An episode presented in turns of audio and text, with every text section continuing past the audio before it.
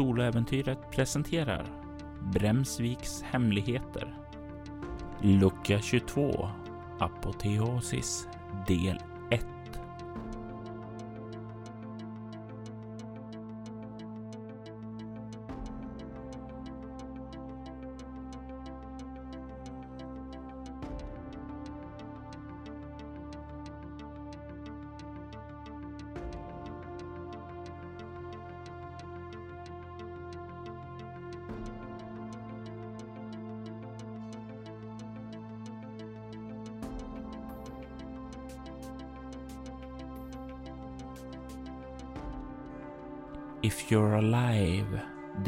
purpose for your life.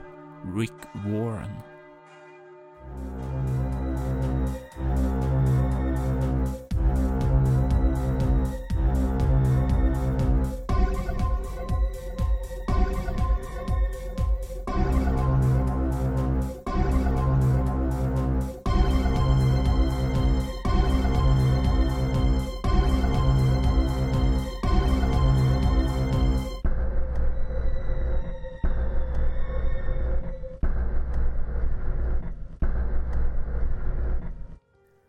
Rain Barton survived her trial, but her mother and the others were killed.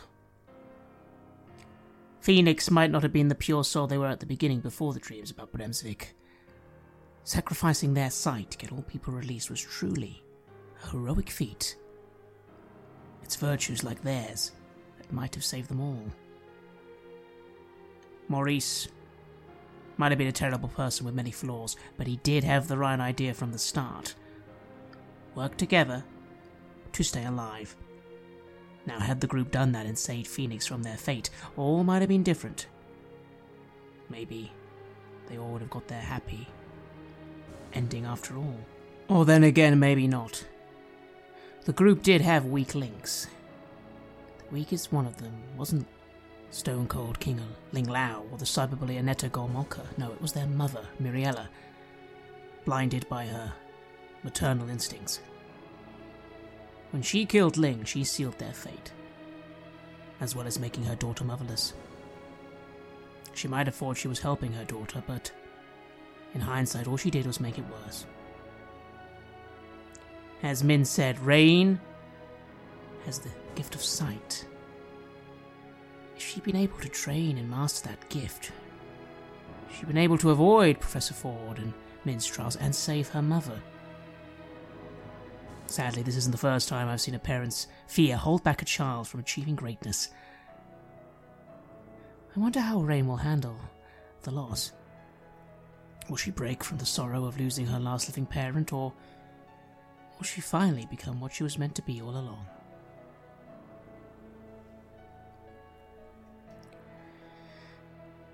But these lives weren't the only ones affected by Professor Ford and Min.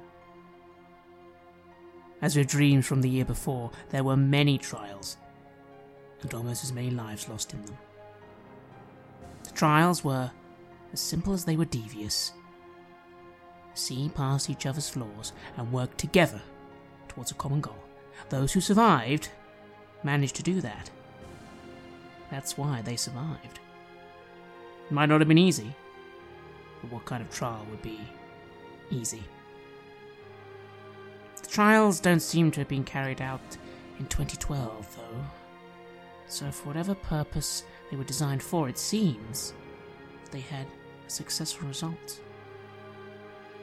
The only thing I'm unsure of is what was the purpose of these trials? Why was Professor Ford and Min doing this?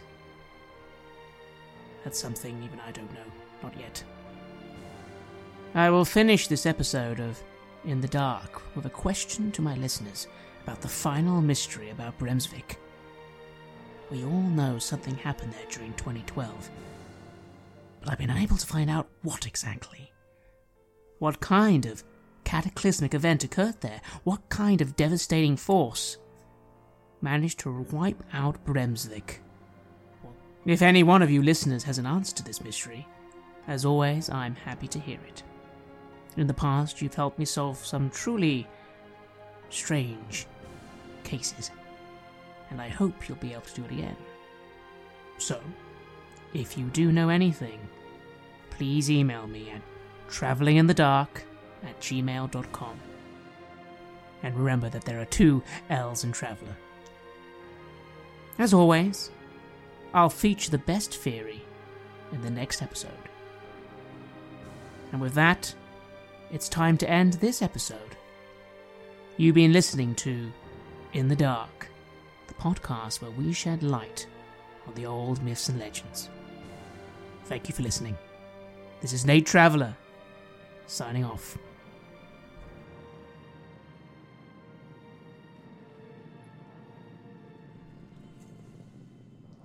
År har gått sedan den ödesdigra händelsen som visade sig utspela på en ö utanför Englands kust.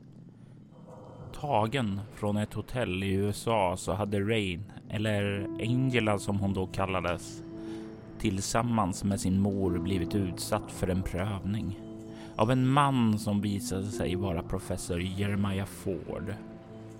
Rain överlevde prövningen. Det gjorde inte hennes mor. Det tog ett tag innan Rain fann en gammal eka att ta sig in till fastlandet med. Då vi åter träffar Rain kommer det att ha gått över ett år. Det kommer att vara i december 2012. Men innan vi slår ner där så undrar jag, Rain, hur har året varit? Inte så bra, vill jag påstå. Eh, det har varit tufft. Det finns ju inte så många andra som jag har att vända mig till, förutom min mamma, som nu inte är kvar bland oss levande längre. Um, första perioden efter uh, upptäckten så var det väldigt frustrerat. Eh, hon hade tankar på att hämnas. Eh, hon har lagt ner mycket tid på att försöka researcha de namn hon fick medan hon var där men det kan vi komma tillbaka till sen. Eh, men sen hennes driv har ju alltid varit att liksom få vara sin egen person och inte behöva fly och flykten har alltid kommit från mamman. Att nu är det dags att flytta på oss, nu är det dags att flytta på oss. Eh, så efter första månaderna så tänker jag att Rain har återgått till att börja använda sitt riktiga namn. Så hon kallas inte för eh, Angela längre utan Rain. Och jag tänker att hon också har försökt lägga ner tid på att utveckla de färdigheter som har hjälpt henne hittills. Så hon har försökt träna lite på sina fysiska färdigheter och hon har försökt fördjupa den här eh, synska delen hos sig. Och det är nu, när hon mer ostört kunnat fokusera på att träna sin gåva utan att behöva dölja det för sin mor, som hon har kunnat vinna större insikt i sina krafter. Rain har till och med lärt sig nya gåvor. Gåvor som fortfarande är okända för henne. Som hon inte har vunnit riktigt kontroll på. Som hon inte riktigt vunnit kontroll över. Men som trots det kan räknas som ett S i rockärmen. När det som bäst behövs. En sak som jag undrar är vad du gjorde med din mor. Lämnade du henne där på ön eller tog du dig in efter att du hade lugnat ner dig efter din panikartade flykt? Kontaktade du polisen och sa att det fanns många döda kroppar där? Hur hanterar du den här situationen? För att vara sann till hur Rain känns och vad hon har gått igenom så satte hon eld på ladan och ringde polisen och sa det brinner på en ö här ute. Och om hon fick någon indikation om var hon var eller om hon kunde skicka koordinater eller någonting så har hon, har hon kollat upp det. Eh, och angett. Men sen försökte hon vara borta till att de kommer för hon litar ju inte på rättsväsendet på det sättet. Du kunde då se hur lagården stod i ljusan lågor medan du rodde bort från ön och elden slukade hemligheterna som fanns gömda där nere i källaren. Då polisen kom till platsen fann de spår av den brända lagården Men exakt vad som hände i efterspelet fick du aldrig reda på. Kanske var det så att du aldrig ville veta det. Rain är Rain igen. Hon har finslipat sitt fysiska kunnande och även att bemästra sina gåvor. Du säger att hon har återtagit sin identitet, men eh, hur försörjer hon sig? Förr var det alltid hennes mor Florence som tog hand om den biten sedan dess att hon flydde från Castle. Har hon kanske slutat fly? Inte egentligen. Eh, det har inte gått tid nog för att hon ska kunna hitta någonstans. Hon vill ju någon gång tillbaka till Harkers Edge och Fenwicks. Men hon känner sig inte redo för det än. Eh, för att det är för mycket som hon bär på som känns konstigt och hon har ju också haft den här dragningen som säger att hon inte riktigt kan sitta still än. Hon har lagt den här tiden på att eh, lyfta, plocka folks kreditkort ur eh, jackan när de lämnar den obevakad på kaféer. Eh, ja, klarat sig och överlevt men inte riktigt rotat sig. Vad tror Rain att hennes föräldrar skulle tycka om hennes leverne idag? Om de vore med henne och såg hur hon levde? Alltså en del av henne vill ju att de ska se att det är det här som har kommit från allt som har hänt. Att så här, hon är ju ledsen för allting självklart och för sina föräldrars skull men hon känner ju också väldigt mycket frustration. Att om hennes pappa bara hade stannat när hon sa att han skulle stanna och kanske om hennes mamma hade slagit tillbaka när hon blev attackerad istället för att bara skrika spring istället för att försvara sig själv liksom att det är klart att hon kan rikta förakt också mot att föräldrarna har hamnat i den situationen. Mm. Vissa dagar så önskar hon ju att hon hade gjort något som hade gjort dem stolta. Men andra dagar så är hon också så här, titta då, titta då, det är det här ni har gjort. Ni har gjort det här med mig. Det är under hösten 2012 som den här rastlösa känslan, den känslan som alltid fått henne på resande fot, förstärks. Det är som hon känner en dragning norrut. Att det är någonting som väntar på henne. Någonting som får henne att i början kanske omedvetet röra sig ditåt, men snart inse att det finns något där som hon måste se. Snart inser Rain att spåren pekar mot Sverige. Det där Sverige där hon hade en dröm, en dröm där hon träffade Jenny Dannan där hon sålde ut Darcy Ward, där hon tog sig tillsammans med Jenny upp till en stuga på ett berg för att somna och vakna upp i sin moders trygga famn. Även om det har gått två år sedan dess, mer än två år till och med, så är detaljerna från drömmen fortfarande skarpa, som om de vore viktigare på något sätt. Du ville kolla upp en del saker. Ja, på resande fot så har du fortsatt att göra dina efterforskningar på saker som dykt upp och känns viktiga. Vad vill du kolla upp? Jag vill undersöka professor Jeremiah Ford, för det gjorde jag aldrig när jag kollade upp Sasha Mitchell. Namnet Jeremiah Ford känner du till sedan tidigare. Du hade hört att han var Sasha Mitchells mentor. Han är känd för att ha gjort flera expeditioner till Sydamerika och att han hade kommit hem med många stora fynd som satt honom på den arkeologiska kartan inom den akademiska världen. Han reste 2004 på sin senaste expedition ner till Sydamerika. Han hade blivit hyrd att göra det av Sasha Mitchell för att undersöka rykten om en gammal aztekisk gudinna som hette Ritveria men som inte riktigt passade in i mytologin där. Hon ville att han skulle finna bevis om det var sant eller falskt. Professor Ford åkte iväg med en större grupp människor men återvände själv utan fynd. I alla fall inga som han delade med omvärlden. Han sade upp sig, försvann från USA. Nästa gång han dök upp var 2006 då han sökte deltagare till sin herrgård i Marseille, Frankrike, för att studera ett märkligt föremål. Exakt vad som hände där är oklart, men varken dem som deltog i studien eller han själv hörde av sedan dess. Han var borta från omvärlden och har inte synts till av någon sedan dess. I alla fall inte förrän då du såg honom på den där ön. Okej. Sen vill jag testa en sak.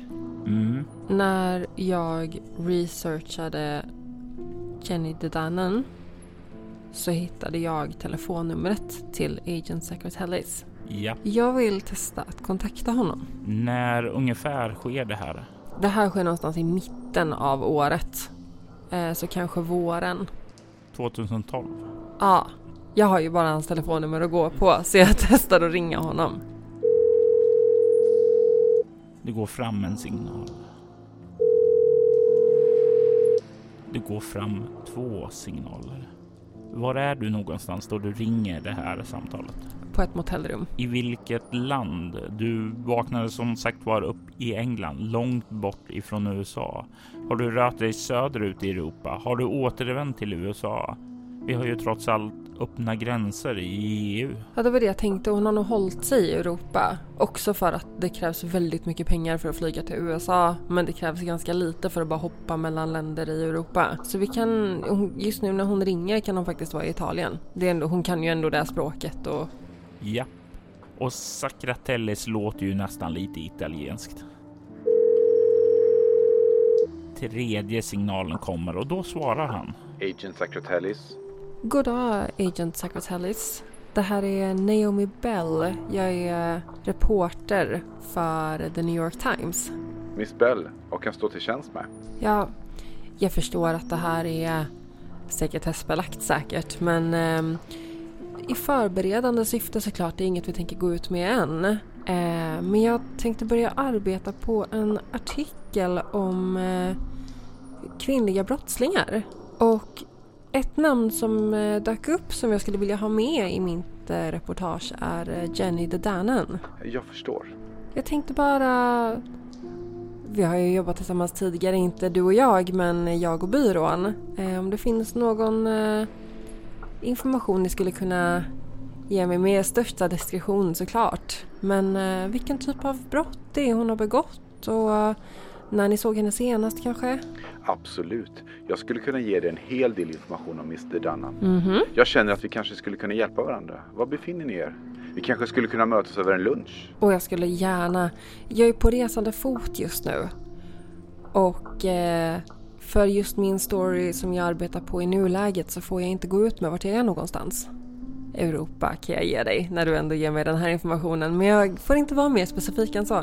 Du kan slå utstrålning interaktion, men du är duktig på att ljuga. Ja. Det kanske är få föräldrar som skulle vara stolta över sina barn om de var duktiga på att ljuga, men i det här fallet tror jag nog att båda dina skulle vara det. Slå två tärningar. Vad fint. Eh, det är 12.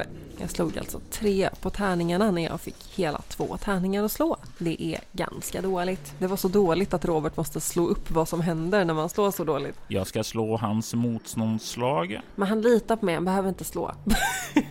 Utstrålning är hans sämsta värde Yes. och han har ingen specialisering heller och får bara slå en tärning. Och det blir 21. 21 på hans säm... Ja. Han verkar köpa allt du säger. Jag förstår. Eh, säkerhet är viktigt att tänka på, särskilt om man skriver om brottslingar. Miss Bell, det är bra att ni tänker på er säkerhet. Eh, så vad vill ni veta om Mr Dunham? Jag skulle behöva veta vad det är för brott hon är misstänkt för. Mr Dunham har visat samröre med seriemördaren Ritveria. De flydde från ett irländskt fängelse tillsammans och är efterlysta i landet. Mr Dunham hade ett annat alter ego då, men hon är mycket farlig. Hon mördade flera av sina klasskamrater i skolan. Brotten var oerhört brutala. Hon hade slitit upp deras strupar, bitit deras kroppar och förtärt deras hjärtan. Ja, eh, det var lärorikt. Eh, vad var hennes tidigare alter ego? Det namn hon bar då hon dömdes var Sandra Hardy. Hon var adopterad av familjen Hardy efter att hon återfunnits i vildmarken tillsammans med en vargflock. Hon var alltså bokstavligen uppfostrad som ett djur.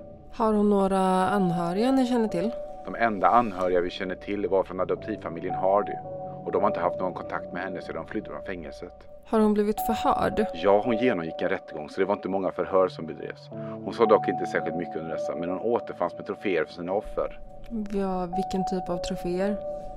Ett halsband från ett offer, ett öra från en annan. Jag tror det var en ring involverad också om jag drar mig till minnes detaljerna rätt. Jag lägger på telefonen. Miss Bell? Hallå?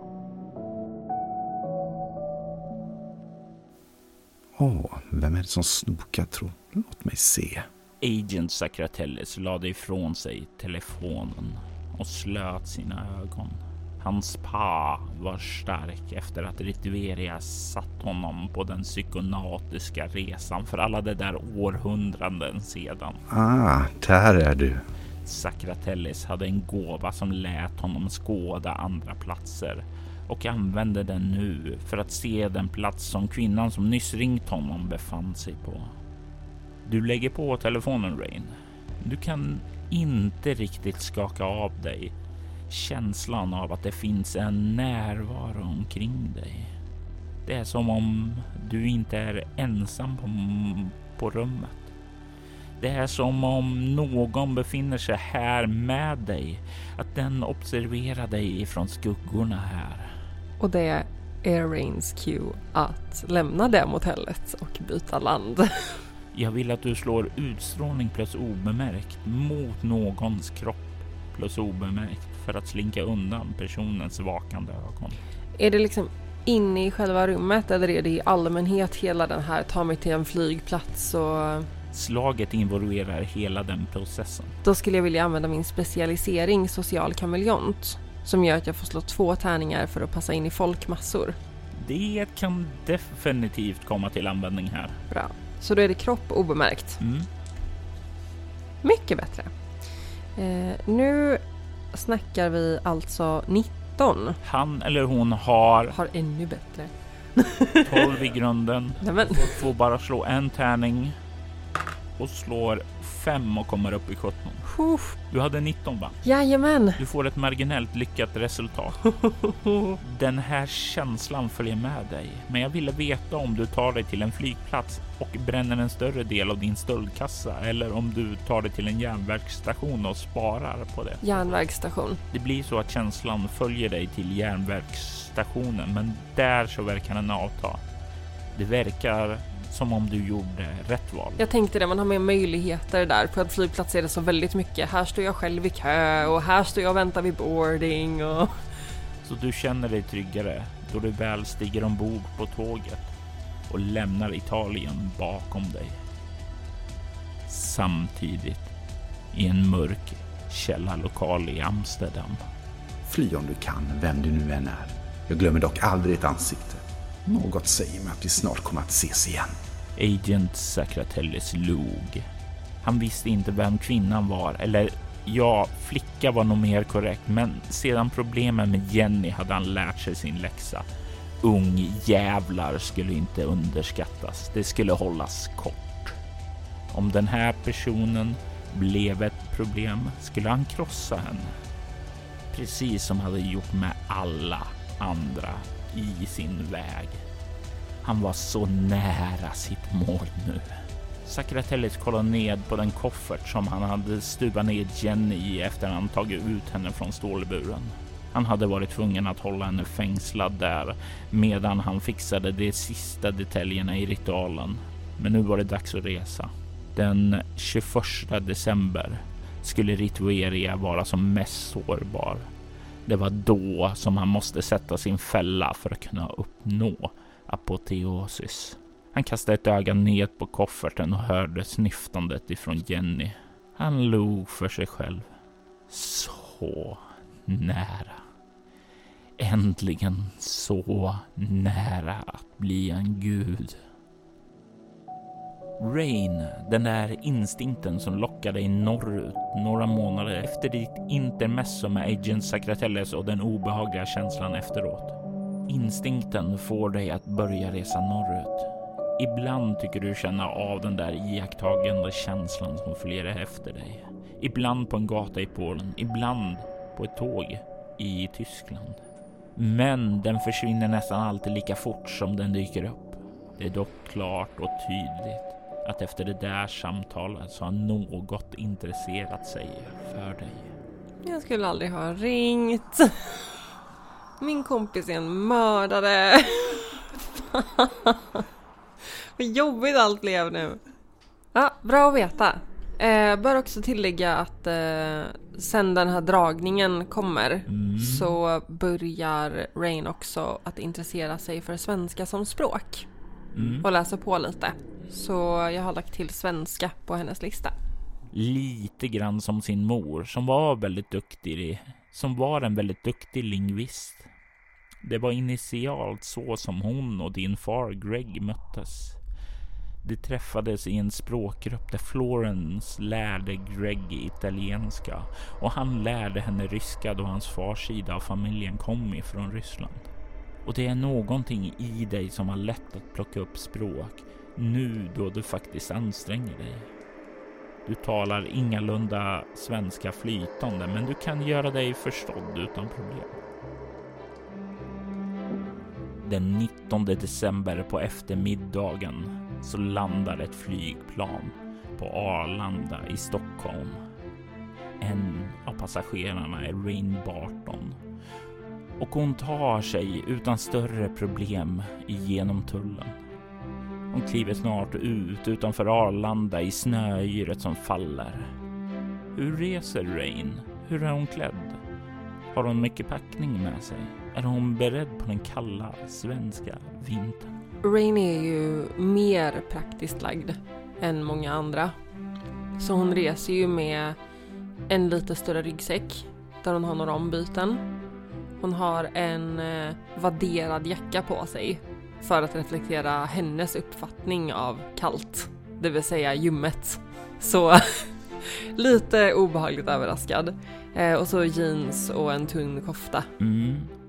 Temperaturen är faktiskt inte så hemsk, bara några minusgrader. Ja, det överlever hon.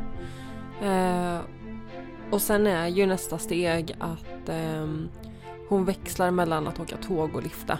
Ja, det första är ju att ta en flygbuss in till Stockholm.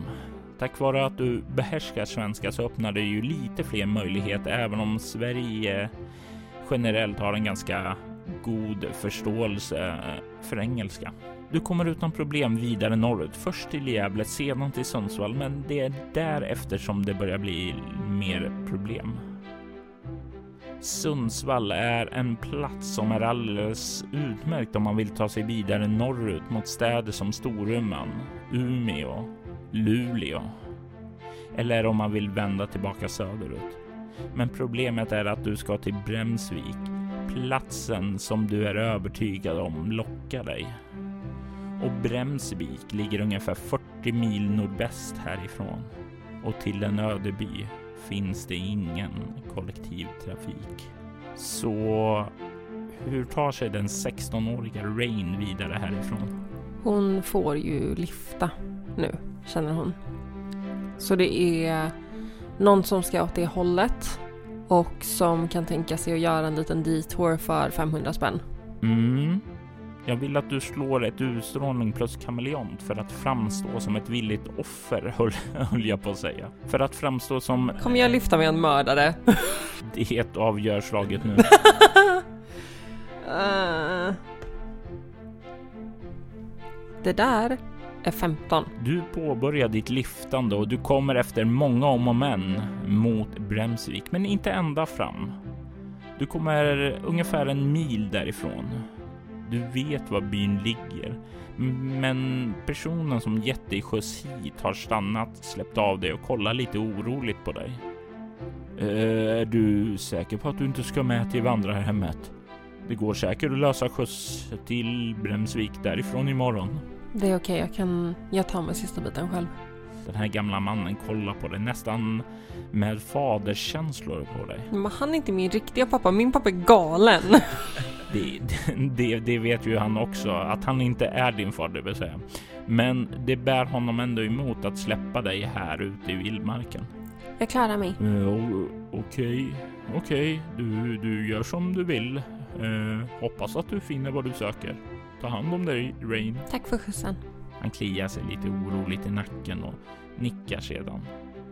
Du kliver ut tar med dig din väska och stänger dörren. Mm. Du ser bilen köra iväg och du står ensam kvar i mörkret. Det är kallt. Snön faller. Och det är minus 12 grader. Du kan nu börja din sista färd mot Bremsvik. Slå ett kropp plus överlevnad. Nej. Det här slaget representerar hur pass bra det går för dig. Om du misslyckas med ett lätt slag kommer du börja ta bestående förluster och på grund av att du fryser och är dåligt klädd. Tre. Det är kallt. Det är mörkt. Det är för jävligt. Du vandrar ensam på den ödsliga norrländska landsortsvägen. Det är en lång färd. Du drar din jacka tätare omkring dig. Men du börjar inse att även om du gjorde förberedelser så var du inte beredd på den här kylan. Och när vinden börjar blåsa så blir det ännu kallare och det är som om det blåser rätt igenom kläderna. Du tar två bestående förluster i antingen kropp eller utstrålning. Du kan dela upp dem också för det här tär både på kroppen i sig och viljestyrkan och självförtroende. Jag tar faktiskt en i varje för eh, jag vill inte kapa en färdighet så mycket som med två direkt. Du har ingen aning om hur lång tid du har vandrat. Men det har åtminstone tagit dig en timma enligt din mobilklocka. Du kikar en extra gång och ser att ditt mobilbatteri har försvunnit oroväckande fort här i kylan. Du har bara 15 procent kvar. Nej. Det gör att du bara känner dig mer och mer ensam. Jag vill att du slår ett omskakande skräckslag med utstrålning. Sex. Du känner den här oron och under hela den här scenen kommer du ha minus ett på allt du gör. Och jag vill att du nu slår ett kropp plus obemärkt. Det är elva. Med minus ett. Det är tio. Du vandrar där ensam med ett döende mobilbatteri och skallrande tänder. Du hör bakom dig genom snöyret att det är en bil på väg hit. Du har gått i över en timme och inte hört det minsta billjud tidigare. Men nu hörs det. Jag vill eh, gå av vägen.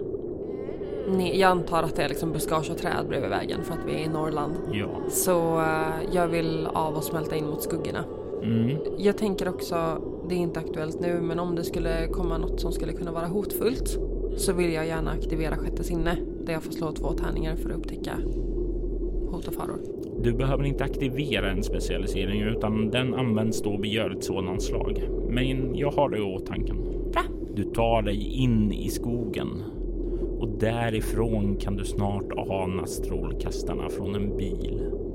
Och det är nu som du får den där känslan som du haft ibland på sistone. Det är där känslorna som du har fått sedan du låste upp dina nya gåvor. Känslan av att det tinglar till inom dig då någonting övernaturligt är i närheten. Och du får den känslan då bilen närmar sig.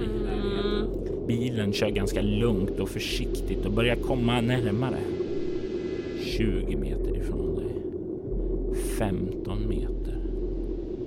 10. 5. Och sedan kör den förbi dig och fortsätter mot Bremsvik. Hmm, det känns underligt. Men jag tänker fortsätta gå.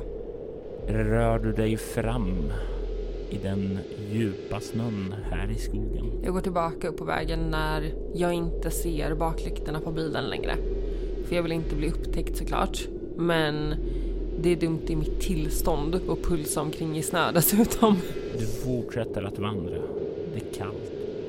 Det börjar släppa efter ett tag då du har gått. Du gäspar lite. Det känns varmt. Skönt. Du gäspar lite mer. Det skulle vara skönt att sätta sig ned och vila en stund. Nej, det skulle det inte. ja, jo, det skulle vara jätteskönt att sätta sig ner. Finns det en stubbe eller någonting? Kan se en ganska inbjudande sten längre fram Jag gör det. och du känner dig avslappnad. Det känns skönt. Det känns som om att det här faktiskt är det skönaste tillfället någonsin som du har vilat på. Det är ju bara en liten stund. Man fryser inte ihjäl på en liten stund. Och det gör man ju inte. Inte på en liten stund i alla fall. Sakta så glider Rains ögon igen. Och sakta glider hennes kropp ned längs stenen. Hon blir sittande med ryggen mot stenen och rumpan på marken. Med ögonen igenstängda. Samtidigt som snön börjar täcka henne. Rain, du vaknar med ett ryck. Du sitter på en gräsmatta. Det är en varm sommardag omkring dig. Du kan se att du befinner dig i utkanten av Bremsvik vid den där stugan som du och Jenny gömde er bakom då Jussi jagade er. Och den stugan som ni bröt er in i. Stugan där du vilade. Det sista minne du har var att du bara skulle vila en stund. Hur du kom hit har du ingen aning om, men du har den känslan av att komma hit så här tidigare. Det är väl så man kommer in i Bremsvik. Nej. um, delvis är det faktiskt den tanken som Rain får att också i det utslagna tillstånd hon var i så blir det för ett ögonblick logiskt. Att bara ah, det var liksom grinden till Bremsvik jag passerade där när jag satte mig ner, vad skönt. Eh, och sen självklart också förvirring. Eh, jag känner mig omkring på gräset. Är det liksom färskt grönt gräs? Vilken temperatur är det? Det är färskt grönt gräs. Det känns både varmt och idylliskt, ungefär som den ikoniska svenska sommaren. Du ser att det från byns centrum finns ett starkt sken som lyser upp hela trakten. Huh. Det är nu som du lägger märke till att det finns snödrivor runt omkring hela byn. Jag testar att gå några steg mot snön. Du kommer fram och kan se att det från den grönskade sommargräset till snödrivan är ungefär en 10 meters sträcka där sommar går till vinter på ett väldigt abrupt och onaturligt sätt. Men jag kan gå så att jag, alltså kan jag gå från det gröna gräset hela vägen till snöigaste snön? Jag kan liksom citat lämna Brömsvik den här gången. Du kliver ut i snön och tar dig framåt in i kylan. Och just som det känns som du har lämnat byn bakom dig så ser du hur du kommer in i den norra delen. God damn it, inte igen. Ha, eh, då... Alltså ja, ljusskenet är ju fascinerande. Men är jag långt ifrån det här torget där jag såg Jenny sist? Eller jag såg henne sist i stugan såklart, men torget där allting hände. När du kollar bort dit så verkar det faktiskt som om det är från torget ljuset kommer. Oh. Jag eh, vill ta mig ditåt så obemärkt jag kan. Om det är liksom genom skogen som är bästa idén så vill jag göra det. Jag vet att du inte kan säga vad som är bästa idén men kan jag ta mig dit genom skogen så vill jag göra det. Det kan du definitivt göra. Du kan röra dig genom skogen och smyga fram för att se in på torget mellan bygdegården och sjukstugan. Jag vill att du slår ett kropp plus obemärkt för att hålla dig både oupptäckt, oupptäckt och iaktta vad som pågår. Men alltså, vad händer? Eh, 3 plus 5 är 8 minus 1 är 7 plus 1 är 8. På Kullerstenstorget kan du se att det brinner vad som ser ut att vara en miniatyrsol på torget. Tänk dig en sådan där gammal bild på en sol, typ från en historisk karta med flammor som löper ut från dess kropp. Okay. Men den flammar inte, utan den verkar fryst i sitt tillstånd. Du kan även se att det står en kvinna som betraktar solen på södra sidan av torget. Hon bär en fin orange klänning. Hennes hållning skulle du säga tillhör den hos fint folk. Mm. Kroppen är rätt späd och det sandréfärgade håret hänger ned över axlarna och går ner till skuldrorna. Jag tänker inte gå fram till den här kvinnan. För det känns olycksbådande skulle jag säga. Jag känner inte för att gå fram till henne. Eh, men jag vill gärna hänga kvar i skogen och iaktta under en period och se om någonting händer. Du kan känna en vibb från den här kvinnan. Hon har definitivt någon form av övernaturlig förmåga. Du kan se att hon sjunker ned på knä och lägger handen mot luften. Och det är där som det tar stopp. Som om det finns en osynlig barriär. Du kan se tårar rinna ner för kinden och du hör henne säga. Mitt barn. Min älskade Amanda. Det var inte så här det skulle bli. Okej, jag tror att jag vet vem det här är. Men jag vet inte om Rain vet det. Så jag vill använda förbannelse. Din nyvunna förmåga inom Kratos. Ja. Eh, och då vill jag använda effekten. Vi börjar med att du spenderar en bestående förlust. Ja, vi tar ego då så jag är helt stympad sen. Så. Och sedan slår du två tärningar plus ett. Ja.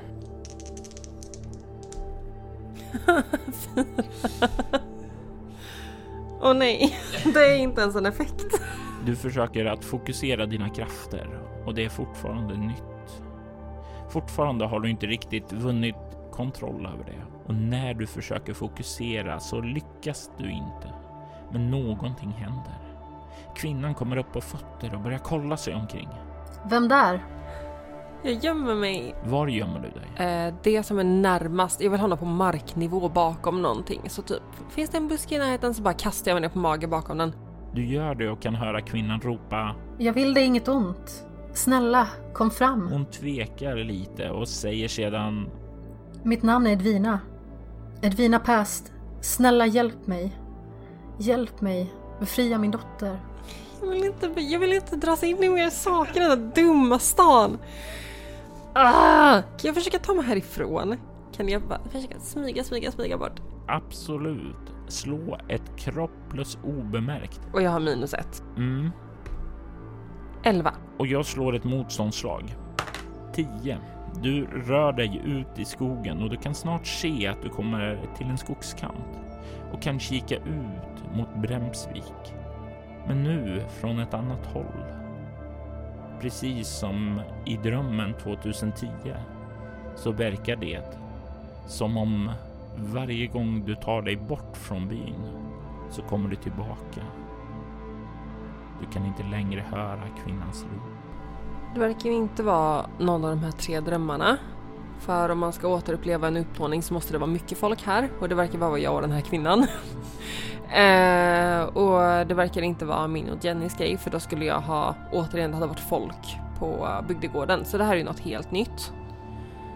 Och hon vill ha min hjälp att återuppväcka sin dotter. Jag är ganska säker på att jag minns vad som hände på det där torget med någons dotter. Även om det var i en dröm så har jag bara nej, jag vill inte. Um, så vi gör så här, jag passar på att utforska byn lite. Mm -hmm. Om jag kan och liksom undvika bygdegården då. Eh, den här verkstaden där jag fick de här skumma flasharna sist, kan jag gå tillbaka till den?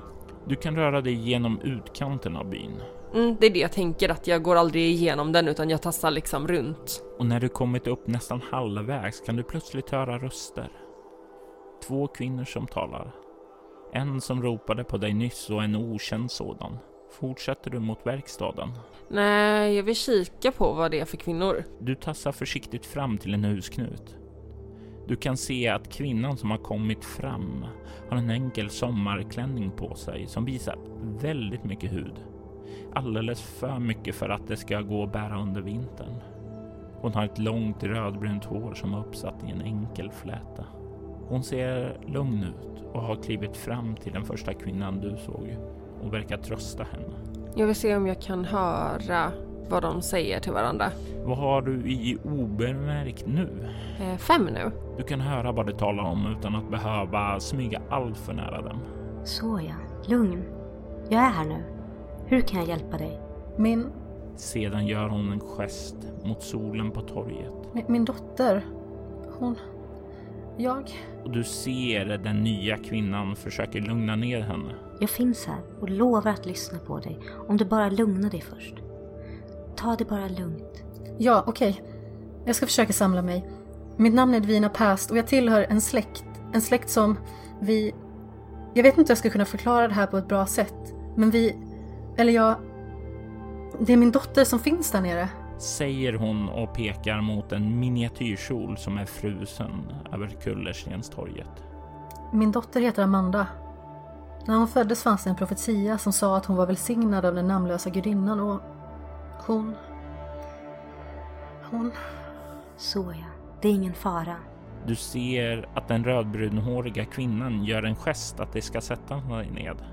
Vilket Edwina också gör. Berätta mer om din dotter.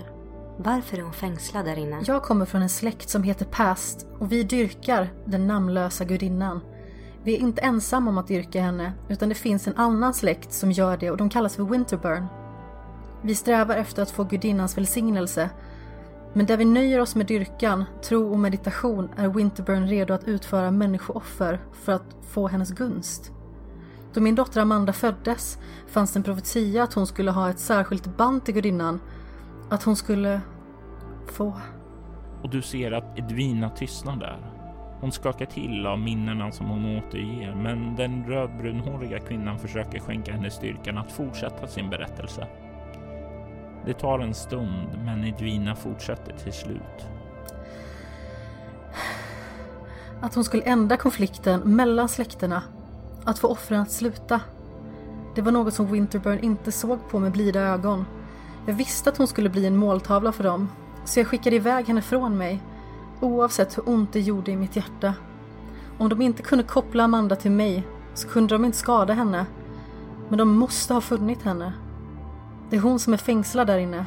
Winterburn har fängslat Amanda i en solbur och tänker offra henne till den namnlösa gudinnan. Jag vill att du slår ett utstrålning plus kameleont. 12. Jag slår en tärning för Edvina Mhm. och det kommer du att lyckas med. Ja. Sedan slår vi för den andra kvinnan Mm. Och där får jag en tvåa. Där får du ett marginellt lyckat resultat. Mm. Mm. Under samtalet som har gått så kan du se att Edvina är en mor som verkligen sörjer vad som har hänt hennes dotter. Hon är djupt förtvivlad. Den andra kvinnan är svårare att få några känslointryck ifrån. Ja. Hon är inlyssnande och försöker få den andra personen att känna sig trygg. Men där andra personer verkligen skulle känna medlidande för en mor som har genomgått förlusten av sitt barn så är det något med denna kvinna som är lite distanserat. Som hon är mer fokuserad på att hjälpa kvinnan än att lida med henne. Jag avvaktar lite till för att se om jag får någon indikation på att hon är på väg därifrån. Du kan se hur den rödbrunhåriga kvinnan säger Jag förstår varför du plågas. Vad exakt vill du att jag ska göra för dig? Snälla, rädda henne. Rädda henne från Winterburns fälla. Släpp henne fri och för henne till mig i San Sebastian. Jag kan hålla henne säker här nu. Jag arbetar på Hearthstone in Winter. Vi kan hålla henne trygg. Jag... Jag ordnar det. Tack. Därefter ser du hur kvinnan bleknar bort och endast Edvina är kvar. Hon bleknar bort som i att hon bara försvinner. Ja, precis så som Jenny gjorde uppe i sängen i den där drömmen. Hm. Jag vill ta mig fram. Du kan se hur Edvina fortfarande sitter kvar och stirrar på miniatyrkjolen. När du börjar komma närmare ser du hur hon vänder sin blick emot dig. Hej. Hej. Jag kanske kan hjälpa dig. Jag tar tacksamt emot all hjälp du kan ge. Min dotter. Jag hör det. Jag vill gå fram mot miniatyrsolen. När du kommer fram till Kullerstenstorget tar det stopp. Mm. När du börjar känna så verkar det vara som en osynlig barriär runt Kullerstenstorget. Så du kommer inte ända fram till miniatyrkjolen. Ja. Då vill jag lägga handen på barriären Mm. Och sen vill jag försöka att använda Kratos utan att fumla till det. Ja, du vet hur det går till. Är det ett förbannelse eller synsk du vill använda? Synsk. Mm. Vilken egenskap tar du bestående förlust i? Alltså jag är så uh, körd. Eh, vi tar ego. Så. Eh, sex, åtta. Det innebär att du väljer en effekt och jag en bieffekt. Jag tar um, få en... Om det funkar på det här så vill jag göra få en ledtråd till att lösa ett mysterium eller en utredning, det vill säga hur får jag loss henne härifrån? Det fungerar alldeles utmärkt. Du lägger handen på barriären och försöker framkalla en syn om det. Det är som om du först känner flera olika energier inom dig. Två olika krafter som är varandras motpoler. Ungefär som två magneter stöter ifrån varandra. En som vill dra dig närmare och en som stöter bort dig. Två saker som inte hör ihop men som ändå har flätats samman för att fängsla den här Amanda. Du kan ana skuggor omkring det här torget, skuggor som tillhör de olika krafterna. Ja, om vi fortsätter med liknelserna med magneterna, en som stöter bort och en som drar till sig. Du kan se hur en av skuggorna drar bort kraften som stöter ifrån medan en annan skugga drar bort motpolen. De här krafterna dras undan och du ser hur en tredje skugggestalt vandrar in till det inre och drar ut vad som verkar vara en dolk som sedan skiftar till ett svärd som sedan blir en hammare. Det verkar skifta mellan tre olika vapen och du ser hur tre personer kliver fram till vapnet och lägger sina händer på det. Därefter ser du hur skuggan höjer sig ett vapen högt över huvudet och sedan slår ned den i miniatyrkjolen. Det är som ett ägg som krossas och du ser personen som ligger på torget i fosterställning. Du ser Jenny de Dannande. Och i nästa ögonblick känner du två händer på dina axlar. Du känner en stark närvaro bakom dig och hur ditt hår slits bakåt och du ser rätt upp i Sakratellis ilskna ansikte samtidigt som han säger Hon var min! Vad har du gjort? Vad har du gjort? Sedan falnar visionen. Du kan ta bieffekten av en skräcknivå av en fasansfull mardrömsvision. Eh, jag kan ta fem, men eh, en absolut. Sakratellis behöver lugna ner sig. Ew, jag gillar inte honom. Jag trodde jag skulle gilla honom. Jag vet inte varför jag trodde det. Jag har ingen orsak att gilla honom. Uh, Okej. Okay. Du känner hur visionen bleknar bort. Och du står kvar med ett dunkande hjärta. Jag kanske vet hur vi ska göra. Hon kollar på dig. Okej. Okay. Men jag tror att din dotter är i fara. Ifall vi får ut henne härifrån. Det finns andra som letar efter henne också. Som vill henne, henne illa. Winterburn har fängslat henne. De vill offra henne. Jag tror inte att det bara är de som vill åt henne. Jag tror att jag har träffat din dotter. Du kan se hur Edvina skiner upp. Åh. Oh. Hur är det med henne? Bra! Ska jag slå på ljuga? eh, 4, 4 minus 1 är 7. Eh, det är 12, 13, 14. Det är nog för att lyckas. Hon vill hon vill tro på det. Hon vill tro på att det är okej okay med hennes dotter. Du kan se hur hon slappnar av. Hon är pålitlig och lojal och snäll. Hon är min vän. Hon ler för första gången. Jag är glad att hon har någon vän i alla fall. Kan du rädda henne så lovar jag att belöna dig. Vad du än vill ha ska jag se till att ge dig vad du vill ha om du bara för henne till Hearthstone och Winterskrapan i San Sebastian. Vad du än behöver hjälp med. Har du några problem med rättsväsendet löser jag det. Behöver du pengar kan jag fixa det. Vill du bemästra de urgamla drömkonsterna kan jag lära dig det. Är du där och väntar på henne? Jag är där och längtar efter henne. Jag befinner mig här. Om jag får ut henne härifrån så kommer vi vara i fara hela vägen till att vi kommer till San Sebastian. Ta dig till Hearthstone and Winter-kontoret i Stockholm så ska jag ordna med resten därifrån. Det är lite lättare. jag har blivit kallad hit nästan. Av någonting jag inte kan förklara. Jag tror att det finns fler som jag som har blivit dragna hit nyligen. Jag behöver hitta fler. Jag vet att den här platsen har varit fokus för enorm drömenergi. Under 2010 var det många som drömde om den här platsen. Det är många som har försökt ta reda på vad som har hänt. Men jag tror det var en skådeplats mellan två drömlådor. Jag tror dock inte de valde platsen medvetet. Drömmarna är ett levande väsen som strävar efter att visa oss saker. Saker som är viktiga för framtida skeenden. Den här platsen har en koppling till den namnlösa gudinnan. Jag tror att någonting viktigt står på spel nu. Vet du om strömmen fungerar här? Om det inte är någon som bor här har jag svårt att tro att det skulle finnas någon elektricitet här. Jag förstår. Jag ska se vad jag kan göra. Tack. Tack så mycket, Miss... Rain. Tack, Miss Rain.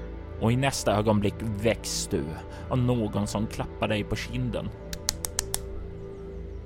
Och du stirrar rätt in i ögonen på en skäggig man där du sitter halvt översnöd utanför den svenska byn Bremsvik.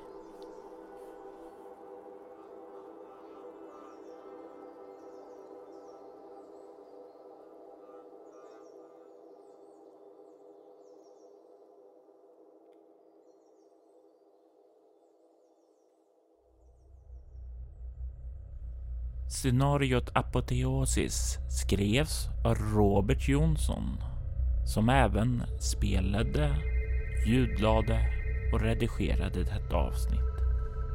Spelare i detta avsnitt var Liv Vistisen Rörby. Övriga spelare i detta avsnitt var Craig Austin som Nate Traveller, Amanda Sten som Edwina Past, Jörgen Niemi som Agent Sakratellis och Anna Erlandsson som Dahlia White. Bremsviks hemligheters vignettmusik gjordes av Marcus Linder.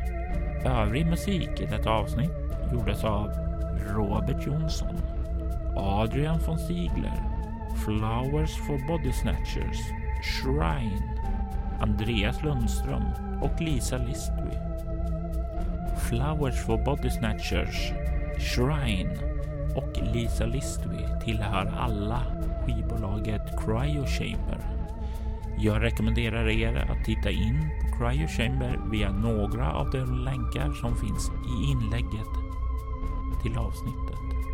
Där finner ni massor av underbar, stämningsfull, ambient musik som är perfekt för era egna rollspelsmöten.